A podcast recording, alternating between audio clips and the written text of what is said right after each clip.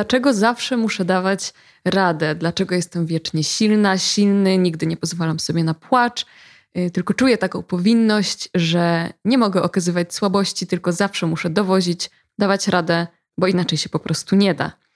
Y, na te i inne pytania odpowiedziała mi dzisiaj moja wspaniała gościni, którą jest Marzena Mawricz, psycholożka, psychoterapeutka integracyjna, trenerka, coach, y, z którą właśnie porozmawiałam o tym wiecznym dawaniu rady. Nie tylko przez kobiety, chociaż początkowo rozmawiałyśmy o tym, żeby skupić się na tej y, kobiecej, nadmiernej sile, ale w wyniku rozmów też z Wami pojawiło się takie zapotrzebowanie, żeby nie omijać też obszaru męskiego dawania rady, o tym, że jednak społecznie mężczyźni są mocno do tego dyscyplinowani i chowani, żeby nigdy nie okazywać słabości. Także ten wątek też się pojawił. Naprawdę wspaniała i bardzo wzbogacająca y, rozmowa, y, w której Marzena dzieli się swoją wiedzą przede wszystkim właśnie z gabinetu, bo już od 12 lat y, prowadzi psychoterapię zarówno indywidualną, jak i par w nurcie właśnie integracyjnym. Jestem bardzo wdzięczna, że udało nam nam się o tym porozmawiać, bo też wiem, że y, odcinek o schemacie nadmiernych wymagań i krytycyzmu jakoś skradł wasze serce, y, więc tym bardziej myślę, że temat y, wiecznej siły i braku przyzwolenia na słabość czy na płacz jest taki dosyć komplementarny w tym zakresie. Także mam nadzieję, że ten odcinek też wniesie wam jakąś wartość, jakąś wiedzę do życia.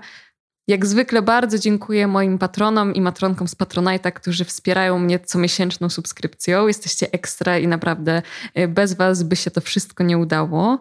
No i co, może nie będę już przedłużać, tylko z całego serca zaproszę was do wysłuchania rozmowy z Marzeną Mawricz. E, Marzena, ja się bardzo cieszę, że nam się udało spotkać. To już nasze, nasze drugie spotkanie, ale pierwsze na żywo. Y, bardzo się cieszę, dlatego że temat, którym się zajmiemy, myślę, że jest dosyć y, powszechny i też wrzuciłam taką trochę zajawkę na, na Instagramie i dostałam dużo, dużo pytań, dużo głosów od, y, od słuchaczy, od widzów, którzy w dużej mierze okazali się być mężczyznami. A my żeśmy wow. się umawiały tutaj na rozmowę o, o kobiecym dawaniu rady, o właśnie niepłakaniu, byciu silną, niezależną i, no i właśnie takim podejściu, że ja się nie mogę złamać, bo, bo to jest słabość, ja muszę cały czas dawać radę. No i jak się okazało, mężczyźni również mają z tym problem. Pojawiło się takie pytanie, czy świat runie, jak ja nie dam rady, które jakoś tak bardzo ze mną zostało. E, więc mam nadzieję, że uda nam się dzisiaj, y, wiesz, tak trochę rozgraniczyć to, jak wygląda to dawanie rady u kobiet, a jak też ono inaczej wygląda u mężczyzn, którzy, no myślę, że kulturowo są trochę do tego dyscyplinowani, żeby dawać radę jeszcze bardziej. Natomiast myślę, że u kobiet to się objawia też troszeczkę inaczej. Więc y, na początek chyba chciałabym zacząć y, od takiego bardziej ogólnego pytania, czyli co z Twojego doświadczenia gabinetowego prowadzi do tego, że ktoś czy to kobieta, czy mężczyzna, w ogóle wykształca w sobie taki, taką postawę, czy takie zachowanie, w którym myśli, że zawsze musi dawać radę, zaciskać zęby, cisnąć, nigdy się nie poddawać, nie płakać, nie okazywać słabości. Mhm. Wiesz, jak to mówisz, to tak sobie myślę, że już się chcę płakać na samą myśl de facto o tym. A propos tej silnej kobiety, a ja sobie myślę, że takie łzy powoli napływają na myśl w ogóle o tym, że faktycznie wszystko ma swój początek a no cóż, ma początek tam, gdzie byśmy nie chcieli, bo e, moi pacjenci jak mówią, no nie, będziemy sięgać znowu do tego domu, do tego dzieciństwa, rany znowu. No tak, będziemy sięgać, bo początek właśnie tam jest. Jest, e, nawet bym powiedziała, że jest jeszcze wcześniej w całych tych ustawieniach pokoleniowych. No bo nasi rodzice też przecież mieli rodziców. I niesiemy w sobie ten ciężar, chociaż bardzo sobie obiecujemy, to jest takie niezwykłe, że wszyscy sobie bardzo obiecujemy, ja nie będę jak moja mama. W ogóle.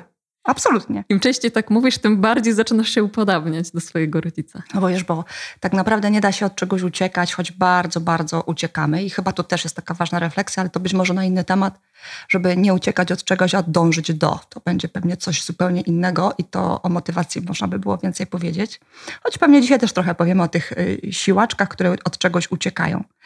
No i właśnie, kiedy to się wszystko zaczyna, że zaczynasz musieć? No sądzę, że zaczyna się w niekochanym dzieciństwie dzieciństwie. Niekochane w sensie, że nie, nie czujemy się kochane. I chłopcy, i dziewczynki e, spełniają oczekiwania po prostu swoich rodziców. I jesteśmy bardzo tym nafaszerowani, tym musisz, powinnaś, nie możesz.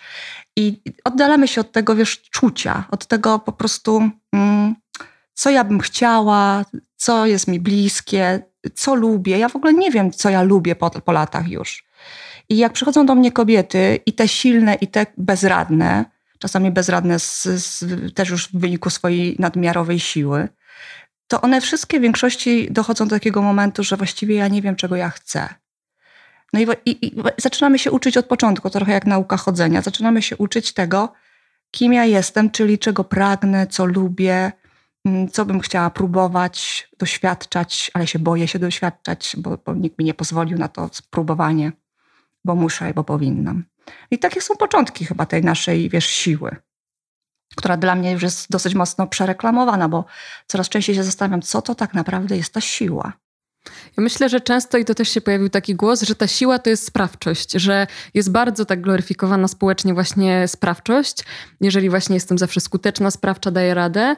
Y, natomiast no, myślę, że pojawia się problem, kiedy to realnie zaczyna ci utrudniać życie, bo tak jak powiedziałaś, do ciebie do gabinetu przychodzą osoby i zakładam, że one już przychodzą z jakimiś problemami, które im ta wieczna siła y, przynosi, prawda? Tak, bo siła w sumie, widzisz, odbiera prawo do bezsilności. To jest taka bardzo ważna sprawa. I większość kobiet, ale też i pewnie mężczyzn, ale skupię się chwilę na kobietach, po prostu bardzo się boi tego, że się rozsypie. I dlatego ona nie daje sobie prawa do tego, żeby się zatrzymać, żeby odpocząć, żeby pomyśleć o tym, co potrzebuje, a czego nie potrzebuje. Tylko nauczyła się być bardzo, bardzo y, zaradna w każdym, na każdym etapie. I wydaje mi się, że jest jeszcze jeden problem, że my kobiety gdzieś będziemy się musiały jednak tego chyba nauczyć. Z tym słowo musiały to też może nie najlepiej brzmi, ale jednak, no może się nawet już uczymy tej swojej takiej siły, na czym ona ma być oparta, bo wydaje mi się, że jednak myśmy dużo wzięły jednak od mężczyzn. Czyli nauczyłyśmy się takiego, wiesz, siłowania z życiem, takiego pierwiastka rywalizacji, yy, tego, co nam pokazali przez lata mężczyźni. Zresztą ciągle żyjemy w świecie patriarchalnym i choć bardzo może byśmy tego nie chciały, ale uważam, że nadal taki właśnie ten świat jest. Ma to swoje też pozytywne strony. Natomiast nauczyłyśmy się w dużej mierze od silnych, często nieobecnych ojców bycia taką właśnie nieobecną w swoim własnym życiu. Ale wiesz, gubimy się tak bardzo, że przyswajamy sobie też te hormony męskie przez to, zaczynamy mieć kłopot z prolaktyną, z tarczycą. No i my jesteśmy takie przemęczone, ale właśnie takie mm, męsko silne, bo to jest jednak energia mężczyzny, czy nam się to podoba, czy nie. Energia kobiet to jest czułość, emocjonalność, wrażliwość, a nam się to w ogóle jakoś przestało podobać. Odzwyczajamy się albo się w ogóle wiesz, przestraszamy, bo jak się napatrzyłyśmy na mamę, która musi i powinna przy sprzątaniu, harowaniu w domu, to z jednej strony żeśmy jej współczuły, z drugiej strony robiłyśmy dokładnie to samo, bo ona od nas tego wymagała również. A jednocześnie nam się bardzo nie podobało, że ona jest zależna, bo my tak to rozumiałyśmy. My dalej nie bardzo rozumiemy, jak budować związki. Te silne kobiety największy kłopot mają właśnie w związkach. O ile sobie genialnie radzą w jakichś firmach, korporacjach, w prowadzeniu firm, uważam, że jesteśmy świetne, naprawdę. Tu genialnie nauczyłyśmy się wielu rzeczy i wykorzystujemy tą pewną energię też testosteronową, mm, która nie powinna być nasza, bo jednak nam przyświecają estrogeny, które z kolei, ponieważ są teraz w wodzie i wszędzie przeszkadzają mężczyznom. No ale to jakby inna historia. Natomiast y, kiedy zaczynamy zaglądać do naszego życia prywatnego, to zaczynają się schody. Ja nawet y, tak ostatnio tak zastanawiam się i pytam moje pacjentki, te wszystkie właśnie silne kobiety korporacji, pytam je, jak one mają dom urządzony. Y, i pytam, czy, mm, czy w swoim domu mają miejsce dla siebie. No i co? I to jest bardzo ciekawe. Bo one mówią tak, no i jest kuchnia, jest salon, są pokoje dla dzieci, nawet jest gabinet dla męża. No ja mówię, a gdzie ty masz swoje miejsce? Nie, no ja tam jakąś mam matę w sypialni, sobie na jogę, jogę rozkładam. Y, w salonie mam kanapę swoją ulubioną. Aha. Ja mówię, a masz jakiś swój pokój? No nie, nie mam. No właśnie. I to jest kolejna rzecz, że my tak trochę kradniemy z życia to, co możemy, ale często jeszcze przepraszamy, że, że tego chcemy. No i to jest takie duże wyzwanie, bo jak projektujemy te nasze wnętrza, przecież w dużej mierze to my odpowiadamy za to, jak to ładnie wszystko jest ułożone i też potrafimy to pięknie robić, to naprawdę zapominamy o tym, żeby wydzielić takie swoje miejsce na ziemi. Powiedziałabyś właśnie, że takie kobiety, które są nad wyraz silne, no właśnie na przykład w miejscu pracy, to potem gdzieś y, pękają po prostu w innych obszarach życia, no bo wyobrażam sobie, że nie da się być w każdym obszarze życia zawsze silną, niezależną, niepłaczącą, nie okazującą słabości, że gdzieś to musi pęknąć, więc jak nie w pracy, to pęknie w relacji, jak nie w relacji, no to ym, w jedzeniu, albo gdzieś sobie po prostu, gdzieś to puści, bo przecież Oczywiście. tak się nie da. No właśnie to, to tak musi być, tylko kobiety sobie na to nie chcą pozwolić, bo właśnie to jest to, co mówiłam wcześniej, że się boją, że się rozsypią, że jak się rozszczelnią chociaż w jakimś jednym obszarze, to ta szczelina no, po prostu spowoduje wielki rozłam całej konstrukcji.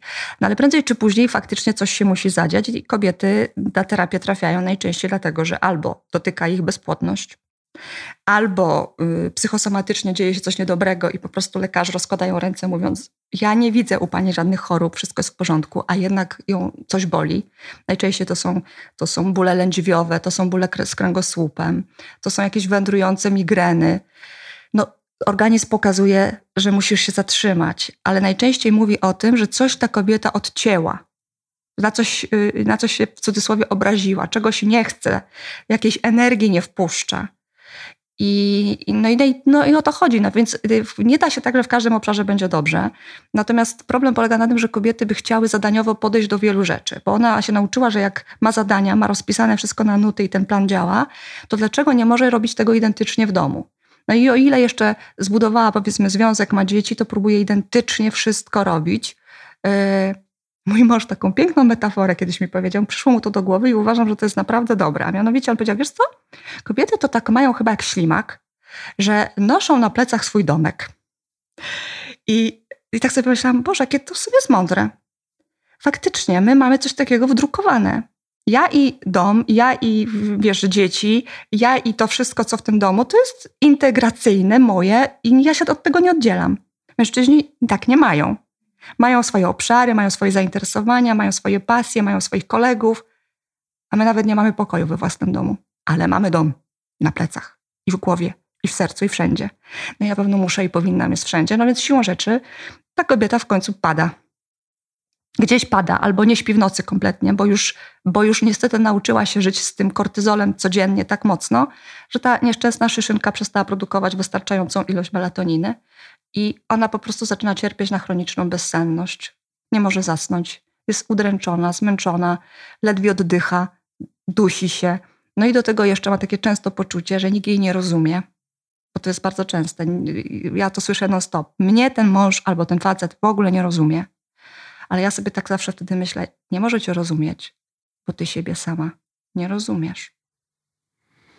No jak o tym opowiadasz, to ja też myślę, kiedyś robiłam wywiad e, z taką właśnie dziewczyną o pracy emocjonalnej. I właśnie o tym, ile kobiet wykonuje pracę emocjonalną, to znaczy zarządzanie obowiązkami, zarządzanie domem, e, jakby myślenie i przeżywanie rzeczy, które powinny być w związku gdzieś rozdzielane, ale są w całości na jej barkach. I jest trudno powiedzieć, popatrz, ja robię to i to i to, bo to są często nienamacalne rzeczy, tylko właśnie emocjonalna praca, y, która jest tak obciążająca, że potem y, bardzo łatwo jest się nabawić przecież wypalenia, na przykład takiego wypalenia od opiekowania się na przykład gospodarstwem, innymi, brania odpowiedzialności za relacje i też myślę nie tylko o kobietach, które, tak jak teraz powiedziałaś, które mają dom, męża czy dzieci, ale też o młodych kobietach, które no właśnie na przykład w pracy bardzo łatwo mogą uciekać i być niezależne, mogą też nie chcieć przecież mieć rodziny, ale mogą właśnie w taki sposób podchodzić w ogóle do życia, że wszędzie muszą dawać radę, bo na przykład tak zostały wychowane, że to one musiały być tym, tą dorosłą osobą w domu, jako, jako nastolatki, jako dzieci. Y, więc też myślę, bo takie pytanie też się pojawiło, y, czy to może na przykład nie być jakimś pokłosiem y, u wielu osób DDA, że po prostu brały odpowiedzialność za rodzica. Więc w efekcie, jako dorosłe osoby, cały czas ciągną na plecach tę odpowiedzialność też za innych w dorosłych związkach. No tak, niestety tu mówisz już o całej tej smutnej formie toksycznych domów, patologii naszych domów, w których te dorosłe dzieci alkoholików niosą brzemię bycia zbyt dojrzałym za wcześnie. Yy, takie dziecko nie ma możliwości przecież, yy, żadnych zasobów w sobie nie ma nawet do tego, żeby już w dojrzały sposób yy, być odpowiedzialnym za dom. A tak bardzo się często dzieje, bo te historie smutne, które, które, które opowiadają pacjenci i my terapeuci słuchamy, o tym, jak trzeba było dbać i pilnować, nie wiem, pijanego ojca po nocach, żeby nie udławił się wymiocinami. O tym, że był wstyd, bo, bo zalegał na klatce schodowej. O tym, że trzeba było pamiętać, że rachunki są do opłacenia, nawet jak się ma dopiero 10 lat. To są bardzo trudne doświadczenia, które stanowią o tym, że to dziecko nie odpoczywało będąc dzieckiem, dzieckiem nie miało beztroskiego, beztroskiego dzieciństwa, ale... Mm, no widzisz, i taka kobieta, czy taki mężczyzna, wkraczając w dorosłość, on już jest zmęczony. On już był tak długo dorosły, co nie oznacza, że był dojrzały emocjonalnie. I to też gdzieś zacznie nas dopadać w tej dorosłej niedojrzałości, w której no, oczywiście wymaga zintegrowania wielu rzeczy w nas, tych uczuć, tych przeżyć, tego, że czegoś nie chcę po prostu zwyczajnie.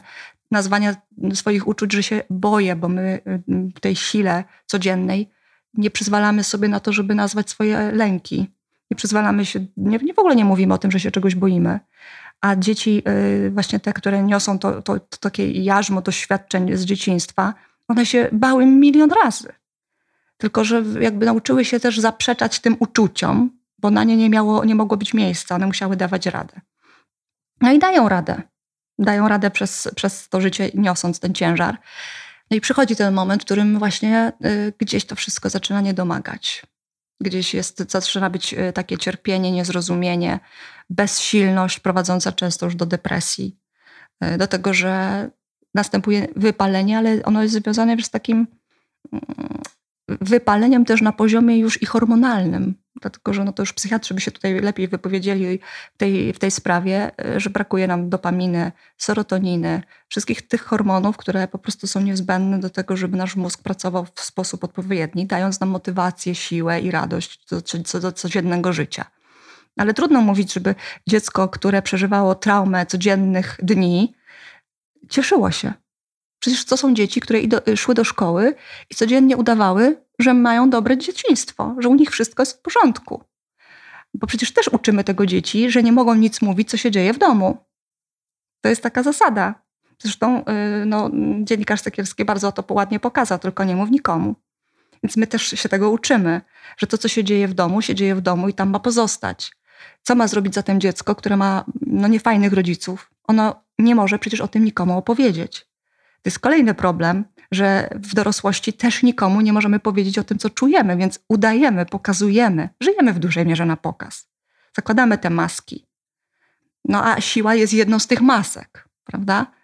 E, więc e, często patrzymy na ludzi i niewiele o nich wiemy. Tych, których mijamy na chodnikach, tych, których spotykamy w pracy. My mamy wyobrażenia, często się do nich porównujemy, coraz częściej im zazdrościmy, na co też wpływają na pewno narzędzia instagramowe i inne. Chociaż to mm, może nie same aplikacje są najgorsze, ale to jak my z nich korzystamy. Ale korzystamy często w taki sposób, że właśnie no, cierpimy patrząc na tych, którzy pod maską pozorów chowają cierpienia. Hmm. No od razu jak o tym mówisz, to myślę o wysoko funkcjonujących y, osobach z depresją, wysoko funkcjonujących alkoholikach, osobach, które, o których właśnie w życiu byś nie powiedziała, że cierpią, bo ci się wydaje, że one na zewnątrz rzeczywiście spełniają te wszystkie y, sukcesy i, i, i zadania, i wydaje ci się, że właśnie skoro one tak dają radę, to co, co, co tam może być nie tak? I dlatego teraz myślę też o mężczyznach, którzy w dużej mierze są tak y, wychowywani, że im jest jeszcze trudniej przyznać się, że nie dają rady i powiedzieć, że ym, no ja już po prostu nie mam na to siły na przykład, bo dla nich to jest okaz, objaw ym, braku męskości. Czy do ciebie w ogóle przychodzą y, też mężczyźni, którzy są po prostu, coś z nich pęka i mówią, ja już nie mam siły? Dalej tak żyć, dalej tak pracować, dalej pokazywać wszystkim, że ja daję radę. Czy to są jednak w większości kobiety? Bo jednak no, statystycznie więcej kobiet chodzi na terapię. Y tak, jakoś tak jest, że my y, mamy większą łatwość do mówienia, jak się zbieramy w grupki, to dużo sobie e, mówimy i warsztaty są też takie, gdzie snujemy swoje historie. Jak się już otwieramy, to nam łatwiej idzie. A mężczyźni, jak się zbierają w grupki, to raczej po to, żeby, nie wiem, poglądać mecz, pograć, porywalizować, coś zrobić razem. Nie? Więc to też jest taka różnica i dlatego myślę, że kobiety mają większą gotowość do pójścia do drugiego człowieka, żeby o, o, o sobie opowiedzieć. A mężczyźni, y, taką kiedyś słyszałam zdanie, nie pamiętam kto to powiedział, ale to nie jest moje, choć sobie troszkę przebłaszczyłam, e, mówiąc również często te słowa, mianowicie, że mężczyzna jest trochę jak taki samochód. Dopóki tam coś stuka, ale jedzie, to jeździ. Jak już koniec, rozkraczy się w cudzysłowie na tej drodze, to trzeba jechać do warsztatu. Nie da rady inaczej. I mężczyzna działa bardzo podobnie. Czyli jak już naprawdę nic nie działa, rozkraczyłem się na tej drodze, to idę do tego terapeuty, aczkolwiek już na dzień dobry mówię, że wszystko jest w porządku. I że właściwie to nie wiem, po co tu jestem. Więc mężczyźni przychodzą i szczęśliwie jest ich coraz więcej, choć może nieszczęśliwie, że przychodzą już naprawdę w dużych kryzysach. I dobrze by było, gdyby troszeczkę szybciej dawali sobie prawo do tego, ale z drugiej strony dokładnie to, co powiedziałaś, trochę im to prawo uniemożliwia, bo kultura patriarchatu wmówiła nie tylko kobietom, ale i mężczyznom, że męskość to jest ta siła, to jest to, że nie wolno pokazywać uczuć, ale też i trzeba przyznać, że no, y, mężczyznom trochę trudniej te emocje i uczucia okazywać, nie tylko ze względu na kulturę, ale i ze względu na hormony, na układ y, nerwowy, który mają. Troszeczkę jednak się różnimy w tym zakresie. I, i, I, trochę inne powiązania są też w układzie limbicznym mężczyzn, więc troszeczkę szybciej my doświadczamy emocji, to jest bardzo ładnie połączone i emocje są u nas połączone z językiem mowy, a u mężczyzn są raczej połączone z ośrodkiem ruchu. Więc oni e, jak się denerwują albo czują jakąś energię, to po prostu coś muszą robić, chodzić, mówić. Więc jak patrzę, ja patrzę na swojego męża, to on jak rozmawia przez telefon musi chodzić, a ja dostaję oczopląsu, dlaczego on musi chodzić, szczególnie kiedy mam zdalną pracę. I to jeszcze przed moimi oczami. Tak? Więc to jest na takiej zasadzie, że ja myślę, no Boże, no ja bym raczej wygadała, coś opowiedziała i tak dalej. Nie? Jakiś słowotok a on nic nie będzie mówił, wręcz odwrotnie, ale on będzie chodził. No właśnie, więc to są te różnice, które w nas są. I zresztą też fajnie by było, gdybyśmy my się uczyli siebie wzajemnie, bo gdybyśmy trochę rozumieli te różnice, może byśmy lepiej siebie wzajemnie traktowali, tak przy okazji dodam. Natomiast mężczyźni, no właśnie, nauczyli się, że muszą być silni i starają się bardzo, i nie tylko starają się dla siebie, bo oczywiście rywalizują między sobą i, i i muszą udowadniać, że sobie radzą na co dzień, ale oni też się nauczyli, że takich my akceptujemy ich. Znaczy, że my kobiety mm, jakoś będziemy trochę wzgardzać takimi, którzy sobie nie radzą. Że mm, no jakoś tak niedobrze nam jest, kiedy słyszymy, że mężczyzna jest niezaradny. I on może być niezaradny na wielu poziomach. Jakoś jeszcze do końca nie umiemy wchłonąć czegoś takiego, że mężczyzna może też zostać w domu może opiekować się na przykład dziećmi, może sprzątać i gotować. Niby tak powoli robimy przestrzeń na to, tak jak zrobiłyśmy sobie przestrzeń, że, że mężczyźni są świetnymi kucharzami, od razu, ale jak oni są kucharzami, to od razu gwiazdkę Michelin mają. Więc to jakoś trochę inaczej. Ale z drugiej strony yy, troszkę robimy przestrzeń, ale, ale ja nie wiem, czy jeszcze umiemy się tak, wiesz, tym pochwalić wzajemnie. No tak, jeszcze nie mamy oswojonych urlopów tacierzyńskich i no właśnie, mimo, jeszcze że to nie jest norma. Ale tak, tak, tak. Więc z jednej strony jest mm, coraz więcej w parkach tatusiów z wózkami, i to jest coś takiego fajnego i za serce ściska kobiety i sobie myślą, o, on tak fajnie się opiekuje tym dzieckiem, to pewnie moim też by się tak świetnie opiekował. O, to jest ciekawa Chociaż sprawa. Wiesz, to, to, jest śliskie, bo właśnie widzę, ja to często właśnie zauważam, że idzie ojciec z wózkiem i jest och, jaki wspaniały tatuś, mężczyzna, bo wyprowadził to dziecko, idzie matka z wózkiem i na przykład robi coś na telefonie co to za w ogóle zła matka, czemu ona nie zwraca uwagi na... Są tak podwójne standardy, no że ja, ja akurat mam trochę z tym problem, że właśnie chyba powinniśmy jednak oczekiwać, że zarówno matka, jak i ojciec będą tak samo zaangażowani w wychowywanie tego dziecka, Absolutnie. a nie, że na matkę nakłada się, ale to już jest chyba inny temat. Oczywiście, wiesz, to już nas wciąga, co wypada i nie tak, wypada tak, i tak. jakie mamy normy obyczajowe i zdecydowanie znów mamy kompletnie inne i tutaj na pewno byśmy miały wielki temat na ten temat, tak. na ten te, temat, na ten temat. Co wypada, a czego nie wypada i jak inaczej to postrzegamy. Ale wracając tak. do tej siły, bądźmy chwilę przy tej męskiej sile. Tak. No więc... Y Mężczyźni y, też bardzo wiele robią nie tylko dla siebie, tylko i dla nas. No bo ten alfa, y, alfa samiec to nadal, wiesz, no to jest ten okaz i y, pożądań. Ten, no my, my, my tęsknimy, wzdychamy, wyobrażamy sobie. Za tym też, za to, za to też odpowiadają bajki, które są wtłaczane w, w naszym dzieciństwie. No może nie będziemy się obrażać na baśnie braci Grimm, ale jednak ciągle mamy to wyobrażenie, że ta księżniczka usycha z tęsknoty za wspaniałym księciem i on ją wyzwoli. On ją ratuje zawsze z opresji. Mnie to tak irytuje. Brakuje mi naprawdę bajek, w, w których ta kobieta nie wymaga mężczyzny, który ją wyratuje, tylko ten związek jest po prostu jakoś tak y, wzbogaceniem historii tej protagonistki, a nie, że bez tego mężczyzny to nie ma historii. No, Ale zobacz, zobacz. Teraz w sumie powiedziałaś o bardzo ważnym wątku, bo powiedziałaś o tym, że ta kobieta y, ma być samodzielna według ciebie, rozumiem, tak? Że dlaczego on ją ma wyzwalać, dlaczego on ma ją wybawiać, dlaczego to ona nie może sobie poradzić w tych bajkach? Wiesz, dlatego, że jak są bajki o mężczyznach, no to są pokazane na przykład często ich historie i tam nie ma kobiety, która ich wyzwala z opresji. Więc dlaczego nie może być bohaterka, której historia może się wydarzyć bez tego ratownictwa ze strony y, męskiego protagonisty? Rozumiesz, że y, ale wiem, do czego pijesz. Do tego, że właśnie to też prowadzi do tego przeświadczenia, że kobieta w takim razie właśnie musi teraz dawać radę, bo kultura nas tak w taki sposób um, ukierunkowała, że kobieta musi być wiecznie ratowana, więc teraz my w drugą stronę przegniemy i będziemy hiper niezależne, hiper silne i nie będziemy sobie pozwalały na płacz. I od razu też myślę tutaj o takim problemie, który też podjęła jedna ze słuchaczek, czyli problemie kontroli. Bo myślę, że dla osób, które się siłują, to też y, dużym problemem będzie oddanie kontroli, czyli na przykład przyznanie się, że ja z czymś nie daję rady, więc oddeleguję coś komuś albo pozwolę sobie pomóc i oddam tę kontrolę. Ale jeżeli mam taką y, obsesję na punkcie robienia wszystkiego sama, no to będę miała problem. I teraz pytanie, gdzie jest ta różnica? Gdzie ja właśnie daję radę, y, bo jestem sprawcza, a gdzie ja po prostu nie potrafię oddać y, kontroli komuś innemu, no, na przykład tym, co mi się przytrafia. No kontrola to jest w ogóle, wiesz, wielowymiarowy wątek, bo to oczywiście się też wiąże z tym, że jeżeli ja coś kontroluję, to znaczy, że się jednak czegoś ciągle boję i muszę sprawować tą władzę e, i nad sobą, nad swoimi e, uczuciami, ale i nad drugim człowiekiem. I tutaj dotykasz jeszcze jednego ważnego wątku, a mianowicie relacji. To znaczy, co to znaczy, co to jest ta relacja, gdzie będzie kontrola, a kontrola to też nieumiejętność oddawania czy brania, e, czy brania pomocy w ogóle, nie? Przyjmowania pomocy. Mm, no bo wtedy, jeżeli ja kontroluję, to ja jestem silna. Jak jestem kontrolująca, to jestem silnym dawcą. No i dawca, y, no pytanie, tutaj się zaczyna wykluczać, czy ja mogę coś przyjąć. I to jest kolejna ważna bardzo kwestia, dlaczego silne kobiety, te silne, o których dzisiaj rozmawiamy, y, czy ci silni mężczyźni, mogą mieć trudność z, no właśnie to nazwać chyba już trzeba, chociaż bardzo teraz wszyscy zazgrzytają zębami, z uległością. No właśnie. Aj.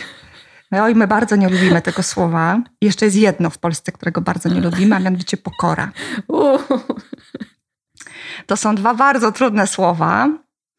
Nie mogą nie być trudne, ponieważ wychowujemy się też w takich przekazach, jak na przykład pokorne ciele, dwie krowy z się. O Jezu. Ja po latach doszłam, że może ono nie jest takie pokorne, co sprytne. A spryt w Polsce już jest dobrze postrzegany, choć akurat nie powinien czasami. No ale to znowu jest na inny temat, zobacz, to masa dygresji. Wracając do tej uległości i pokory. E, ona nam się źle kojarzy, ale nie, niedobrze, że się źle kojarzy, bo jest bardzo ważną częścią dobrej relacji. I w ogóle ja uważam, podobnie jak i wielu chyba innych psychologów i terapeutów, że prawdziwa siła również polega na uległości i autentycznie silna kobieta będzie umiała być uległa, bo to stanowi o jej sile. U, rozpakujmy to, bo myślę, że, y, że to może wzbudzić poczucie, jak to, jak to ja mam być uległa. Właśnie przecież ja przeciwko temu yy, walczę. walczę, jakby próbuję z tym. No, próbuję tym walczyć, walczyć, próbuję, dlatego że wyszłam z takich, a nie innych domów, z takich, a nie innych układów, yy, gdzie prawdopodobnie albo mój tata był nieobecny, albo jak się pojawiał, to walczyłam o to, żeby mnie w ogóle zauważył i, i starałam się być cudownym synem własnego ojca, chociaż powinnam być jego córką, księżniczką w cudzysłowie. Znowu używam tego, ale niech będzie tą po prostu kochaną córką, dla której jest czułość i miłość. To, to, to rzadka sprawa. Więc yy, dlatego ja też nie umiem i nie mam relacji w sobie, jak budować w ogóle relacje z dorosłym mężczyzną, ponieważ z domów, wiesz, z domów yy, wyciągamy takie doświadczenia od naszych rodziców, że oni nie bardzo umieli też ze sobą być że, ma, że się albo kłócili, albo mama gdzieś w kąciku płakała, albo była nieszczęśliwa, albo była y, zależna finansowo. I to wszystko budowało nam wzorce, w których y, właśnie powiedziałam na początku, ja zrobię wszystko, żeby nie być jak moja matka. Czyli absolutnie nie będę pokorna, absolutnie będę niezależna i absolutnie nie mam żadnej uległości. I nam się to wszystko odwraca, wiesz, do góry nogami, bo mm, jak ja powiedziałam, że autentyczna siła się uległości nie boi, to znów takie biblijne są piękne słowa, że siła w słabości się doskonali. I oznacza to tyle, że jeżeli ja umiem przyjąć uległość, czyli ja umiem w ogóle przyjąć pomoc, powiedzieć, że czegoś nie potrafię, powiedzieć swojemu mężczyźnie, ja ciebie potrzebuję, To znaczy, że ja w końcu się nauczyłam być samodzielna, ale nie samowystarczalna. I to jest ta znacząca różnica, która pozwoli mi na uległość. Uległość, czyli przyjęcie drugiego człowieka. A dla mężczyzny z kolei to jest niezwykle ważna sprawa, żeby on mógł być potrzebny. Bo po co on w ogóle jest w takim razie? Jeżeli on nic mi nie może podać, przytrzymać. Teraz silne, wyemancypowane kobiety, jak często im mężczyzna otwiera drzwi, mówią: Ale po co ty to robisz? Ja sobie poradzę sama, ja to umiem to jest trochę nadmiarowe. To jest takie, wiesz, wykazywanie się za wszelką cenę, trochę taką właśnie samowystarczalnością, że ja y, zacisnę zęby, kręgosłup mi mało nie pęknie, ale tą wielką torbę wytacham na piąte piętro. Bo przecież jestem niezależna, silna, dam radę. I to jest wszystko, tego jest za dużo. To jest za dużo. To znaczy, że ja boję się pokazać właśnie, nie mam takich obszarów, w których pokażę, że ja drugiego człowieka potrzebuję. I szczerze powiedziawszy, biada wszystkim tym, którymi zarządza kobieta, która nikogo nie potrzebuje. Bo ona będzie gardziła ludźmi zwyczajnie. Ona nie będzie umiała przyjąć na przykład, nie wiem, kogoś, kto przychodzi, pracownik i mówi, że się źle czuje, albo że choruje, albo że jest zmęczony. Taka osoba nie będzie umiała przyjąć tego. Będzie uważała, że to jest jakaś fanaberia, bo to jest ta słabość. Jak to? Chory? Jesteś chory? Nie masz prawa do chorowania. No bo ona, jeżeli ona jest chora, to ona też sobie Ona też sobie daje. daje radę, ona daje radę. Ona, ona walczy, ona przychodzi z chorobą do pracy, ona ma, ona wszystko robi. I uważa, że to jest bardzo ważna kwestia. Tak ma być, bo na tym polega jej zaradność życiowa i to, że ona nigdy się nie podda i ona nigdy nie będzie jak jej matka, yy, tak, zmęczona gdzieś tam, yy, zależna i źle traktowana przez męża, jak to zobaczyła jako córka no to ona robi wszystko, żeby tak nie było. I oczywiście, jak już powiedziałam na wstępie, niestety jest zupełnie inaczej, bo taka kobieta jest coraz bardziej samotna. Bo samowystarczalność oznacza zwyczajnie samotność.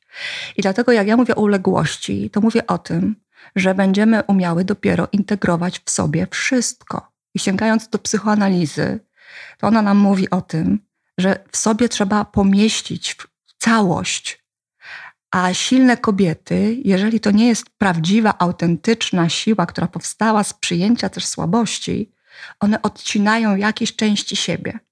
Wykluczają, bardzo często wykluczają te części kobiecości, które nie akceptowały w swojej matce, albo nie akceptują w swojej małej dziewczynce, którą noszą w sobie. Tej dziewczynce, która jakoś była, nie wiem, niekochana, nieprzytulana, której się wstydzą, a przecież ciągle marzą o tym po cichutku, i też tego nienawidzą, że marzą o tym, żeby ktoś je w końcu wyzwolił. I, I, znowu jesteśmy w tych samych baśniach. Wyzwól mnie od tego, chociaż jednocześnie mam być taka samowystarczalna. Mocno. Mocne i bardzo jakoś tak słyszę to, co teraz powiedziałaś, chociaż od razu budzi się we mnie, wiesz, taki głos, że to nie tylko kobiety przecież. I, i no, no, jakby mam nadzieję, że, że rozumiesz, że jak słyszę tę uległość, no to budzi się we mnie jakiś sprzeciw, y, że mam to skojarzenie, że właśnie nie, przecież tyle lat właśnie pracujemy na to, żeby kobiety nie, nie musiały być y, uległe. Ale może odwróćmy to teraz, żeby to wybalansować i pokazać, y, jak to się ma też do uczenia się uległości przez mężczyzn, którzy właśnie w tej sile myślę, że jeszcze bardziej nie mają przyzwolenia na uległość, czyli w jaki sposób oni mogą, będąc uległymi, w dobrym, w takim znaczeniu, jaki ty przedstawiłaś, być autentycznie silni. Czyli jak oni mogą też potrzebować kobiet? No to jest, widzisz, to jest w sumie odwrócenie lustra, to jest to samo. Y, silny mężczyzna też y, traktuje wszystkich jakby z poziomu dominacji i mówienia, że niczego nie potrzebuje. On jest dawcą, uzurpatorem, kontrolerem, dominantem, samcem alfa, który w skrytości też się często boi, ale też się do tego w życiu nie przyzna. Natomiast e, taki mężczyzna, który niczego nie potrzebuje, no to odrzuca kobietę. Jak kobieta mu mówi, nie wiem, idź do lekarza, zadbaj o siebie, to on mówi, po co, ja tego nie zrobię. Więc on też nie pozwala trochę się sobą zaopiekować. Y, on też nie pozwala na to, żeby ta kobieta, nie wiem, no po prostu oprócz tego, że robi ten obiad jako zwyczajową powinność, którą traktujemy wszyscy, że to kobieta robi, to kiedy ona chce, nie wiem, przynieść mu szklankę wody, kiedy, nie wiem, on jest zmęczony, to on też mówi, ale po co ty mi to przynosisz? Czyli na każdym kroku jakby zaznacza niezależność i jakąś taką samowystarczalność. To uciekanie z domów, taka nieobecność w tych, w tych obszarach, w których tylko były dotąd kobiety, to też jest trochę takie, takie wiesz, na zasadzie jakbym tego nie potrzebował, że moją areną wpływów jest tylko to, co jest poza domem. Tego też chłopcy się nauczyli często od tych nieobecnych tatusiów, nieobecnych ojców, że bycie w domu to nie jest męska sprawa. Bawienie się, mm, nie wiem, lalkami czy jakimś wózeczkiem to tragedia, to jest przecież nie męskie. Nie wolno.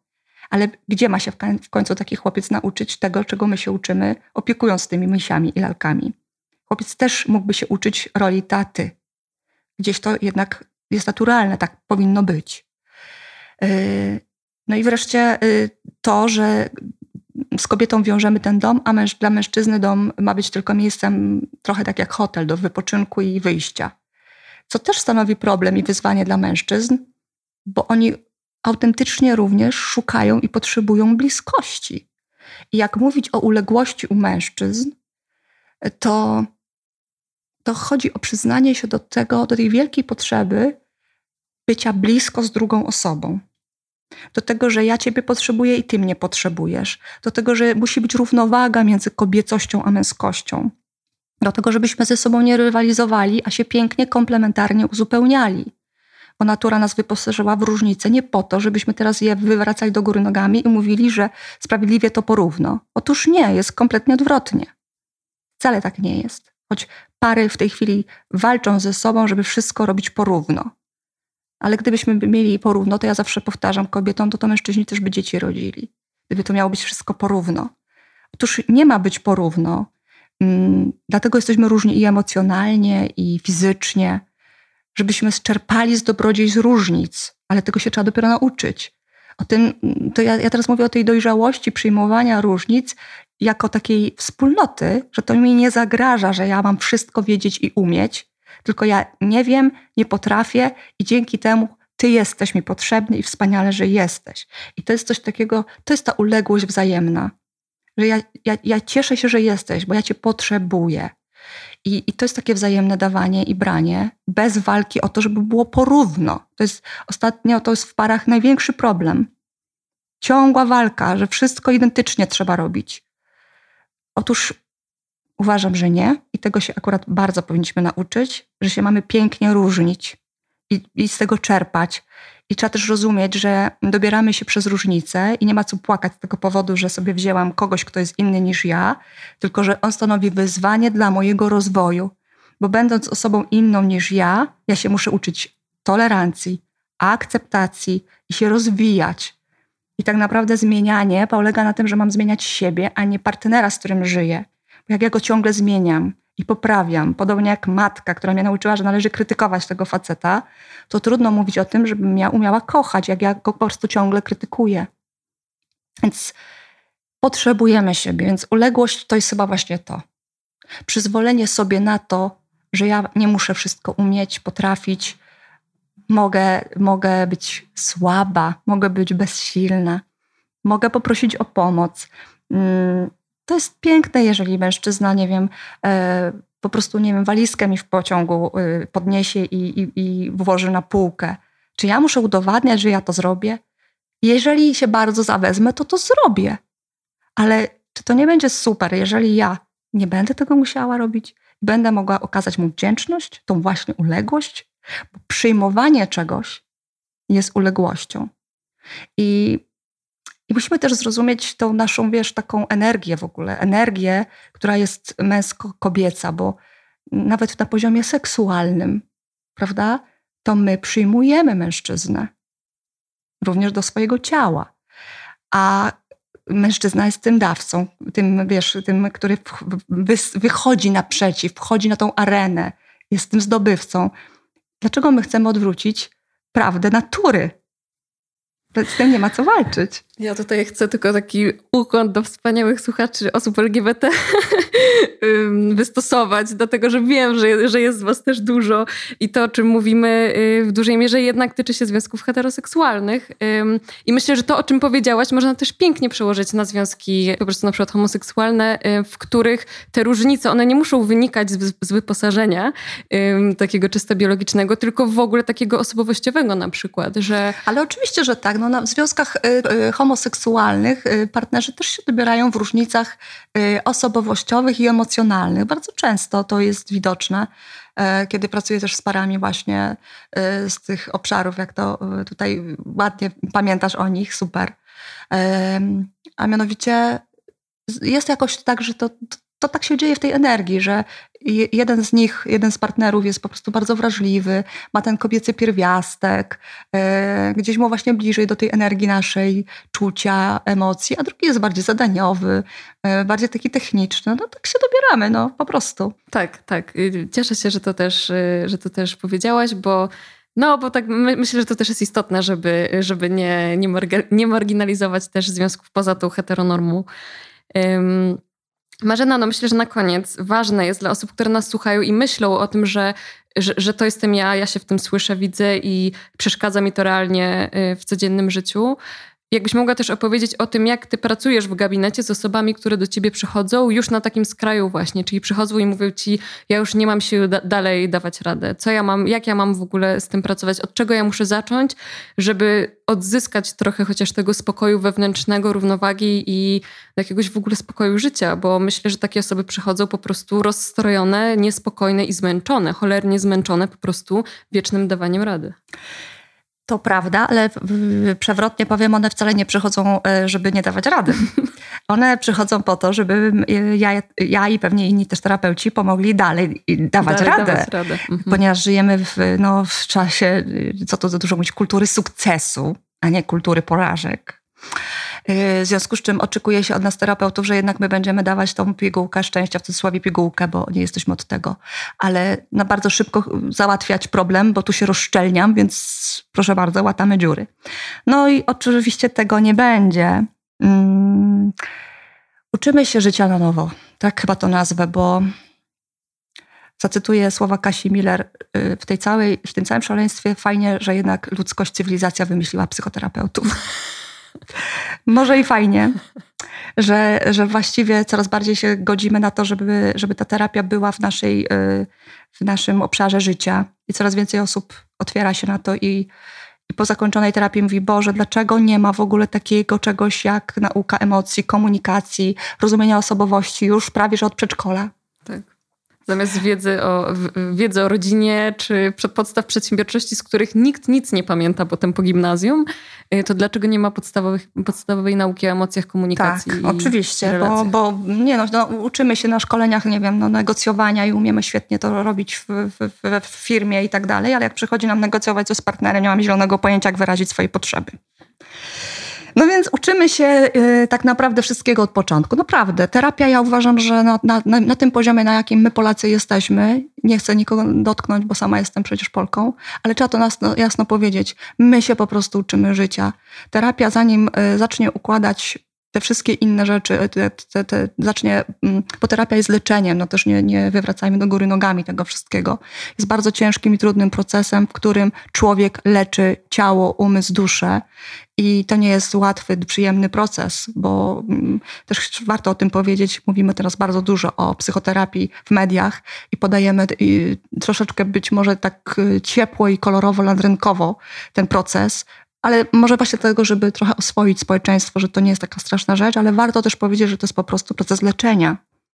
I na początku, pierwsze parę miesięcy, to potrafi być nawet gorzej. To też myślę, że trzeba mm, powiedzieć. Tak, tak, to jest bardzo ważne, co powiedziałaś. Tak dokładnie jest, że mm, przez do pięciu, sześciu sesji początkowo jest troszeczkę łatwiej, bo zrzucimy te ciężary z siebie, ale później przychodzi ten okres trudnej bardzo pracy i zaczyna się niestety ten moment zwrotny, kiedy nawet co niektórzy mają poczucie większego jakiegoś zaburzenia, chaosu, po co ja na tą terapię przyszłam, przyszedłem, przecież jest jeszcze gorzej niż było.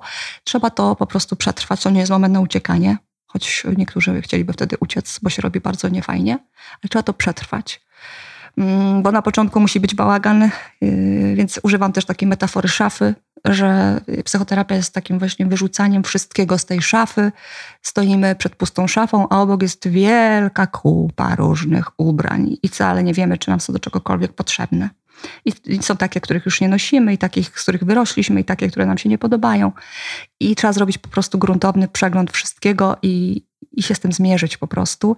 A każde to ubranie ma jakąś historię I tak właśnie jest trochę w psychoterapii, że bierzemy te nasze kawałki porozsypywanego życia i próbujemy pooglądać i ustalić, które z nich zostają, które mi odpowiadają, które są o mnie, a które nie pasują, które chcę już wyrzucić, pozbyć się, a które należałoby zintegrować, bo gdzieś zostały bardzo głęboko wciśnięte w bardzo ciemny kąt szafy i bardzo byśmy nie chcieli w ogóle wiedzieć, że one tam są. A tu co chwilę gdzieś tam się pojawiają. I po przepracowaniu, czyli po takim pooglądaniu, zrozumieniu, przepłakaniu, nazwaniu, być może dopiero właśnie y, są w ważnym miejscu tej szafy i nie robią już nam żadnych kłopotów. Więc pracujemy po prostu w ten sposób, żeby przyjąć siebie w całości, żeby zbliżyć się do tego wewnętrznego swojego dziecka i trochę popracować z tym okrutnym wewnętrznym krytykiem, bo nasi rodzice uczą nas posiadania wewnętrznego krytyka, który nas cały czas hamuje, krytykuje, mm, osadza w powinnościach, robi nam mnóstwo krzywd generalnie i bardzo nam jest niefajnie w tej relacji wewnętrznej ze samym sobą. Więc uczymy się na nowo zbudowania relacji taką, takiej z rodzicem czułym, ciepłym, bliskim, wspierającym, motywującym pozytywnie, mówiącym próbuj jeszcze raz, dasz radę i tak dalej. E, no i trochę tak, żeby to, ta dziewczynka, która jest w każdej kobiecie silnej, już nie musiała być taka mała i słaba, tylko przytulona, przyjęta, kochana. I wtedy taka kobieta też umie mówić o tych potrzebach, w ogóle się nie boi swoich łez, umie już y, w ogóle je pokazać, nazwać. Zaczyna się coś niezwykłego, bo coś tam się dzieje w tym brzuchu, który jest w ogóle właśnie tą całą świątynią kobiecości. I zaczynamy więcej czuć, nie mamy już tylu zadań, nie mamy tylu powinności, zaczynamy rozumieć, czy coś chcemy, czy nie. No przez to na pewno się też lepiej komunikujemy. To, to tak trochę obrazowo. Super, pięknie, pięknie to ujęłaś. Bardzo Ci dziękuję, bo no myślę, że to jest chyba najważniejsze, żeby to wybrzmiało, że y, dla osób, które się w tym gdzieś przeglądają, że to nie chodzi o to, żeby pójść na terapię, żeby się naprawić, żeby móc dalej tak cisnąć i dawać radę, tylko chodzi o to, żeby nauczyć się przyjmować to całe spektrum tego doświadczenia ludzkiego i wszystkich emocji, łącznie z rozpadaniem się, słabością, płaczem y, i tą y, no, uważam, że jakoś tak fajnie odczarowaną przez ciebie uległością, bo jednak inaczej mi się ona kojarzyła. Także bardzo ci dziękuję Marzena, że się tym podzieliłaś z nami i mam nadzieję, że dla naszych słuchaczy będzie to też jakieś wsparcie. Bardzo dziękuję za tą naszą rozmowę i myślę, że dałyśmy kawałek trochę namiastki radości i szczęścia, żeby przytulić ciebie. Tak jest. Mam taką nadzieję. Dziękuję. Dziękuję. Na dzisiaj to już wszystko. Bardzo Wam dziękuję za przesłuchanie naszej rozmowy do końca. Y, zarówno stronę Marzeny, jak i jej sociale zalinkowałam już w opisie. Jeżeli jesteście ciekawi, ciekawe innych działań Marzeny, to, to odsyłam i cieszę się, że, że możemy rozmawiać na takie tematy, że Was to też interesuje, bo widzę w tym naprawdę ogromną wartość. Także jeżeli macie jakieś też kawałki od siebie do dodania, to jak zwykle zapraszam na Instagram sznurowadła.myśli bez polskich znaków. A ode mnie to wszystko i słyszymy się już niebawem.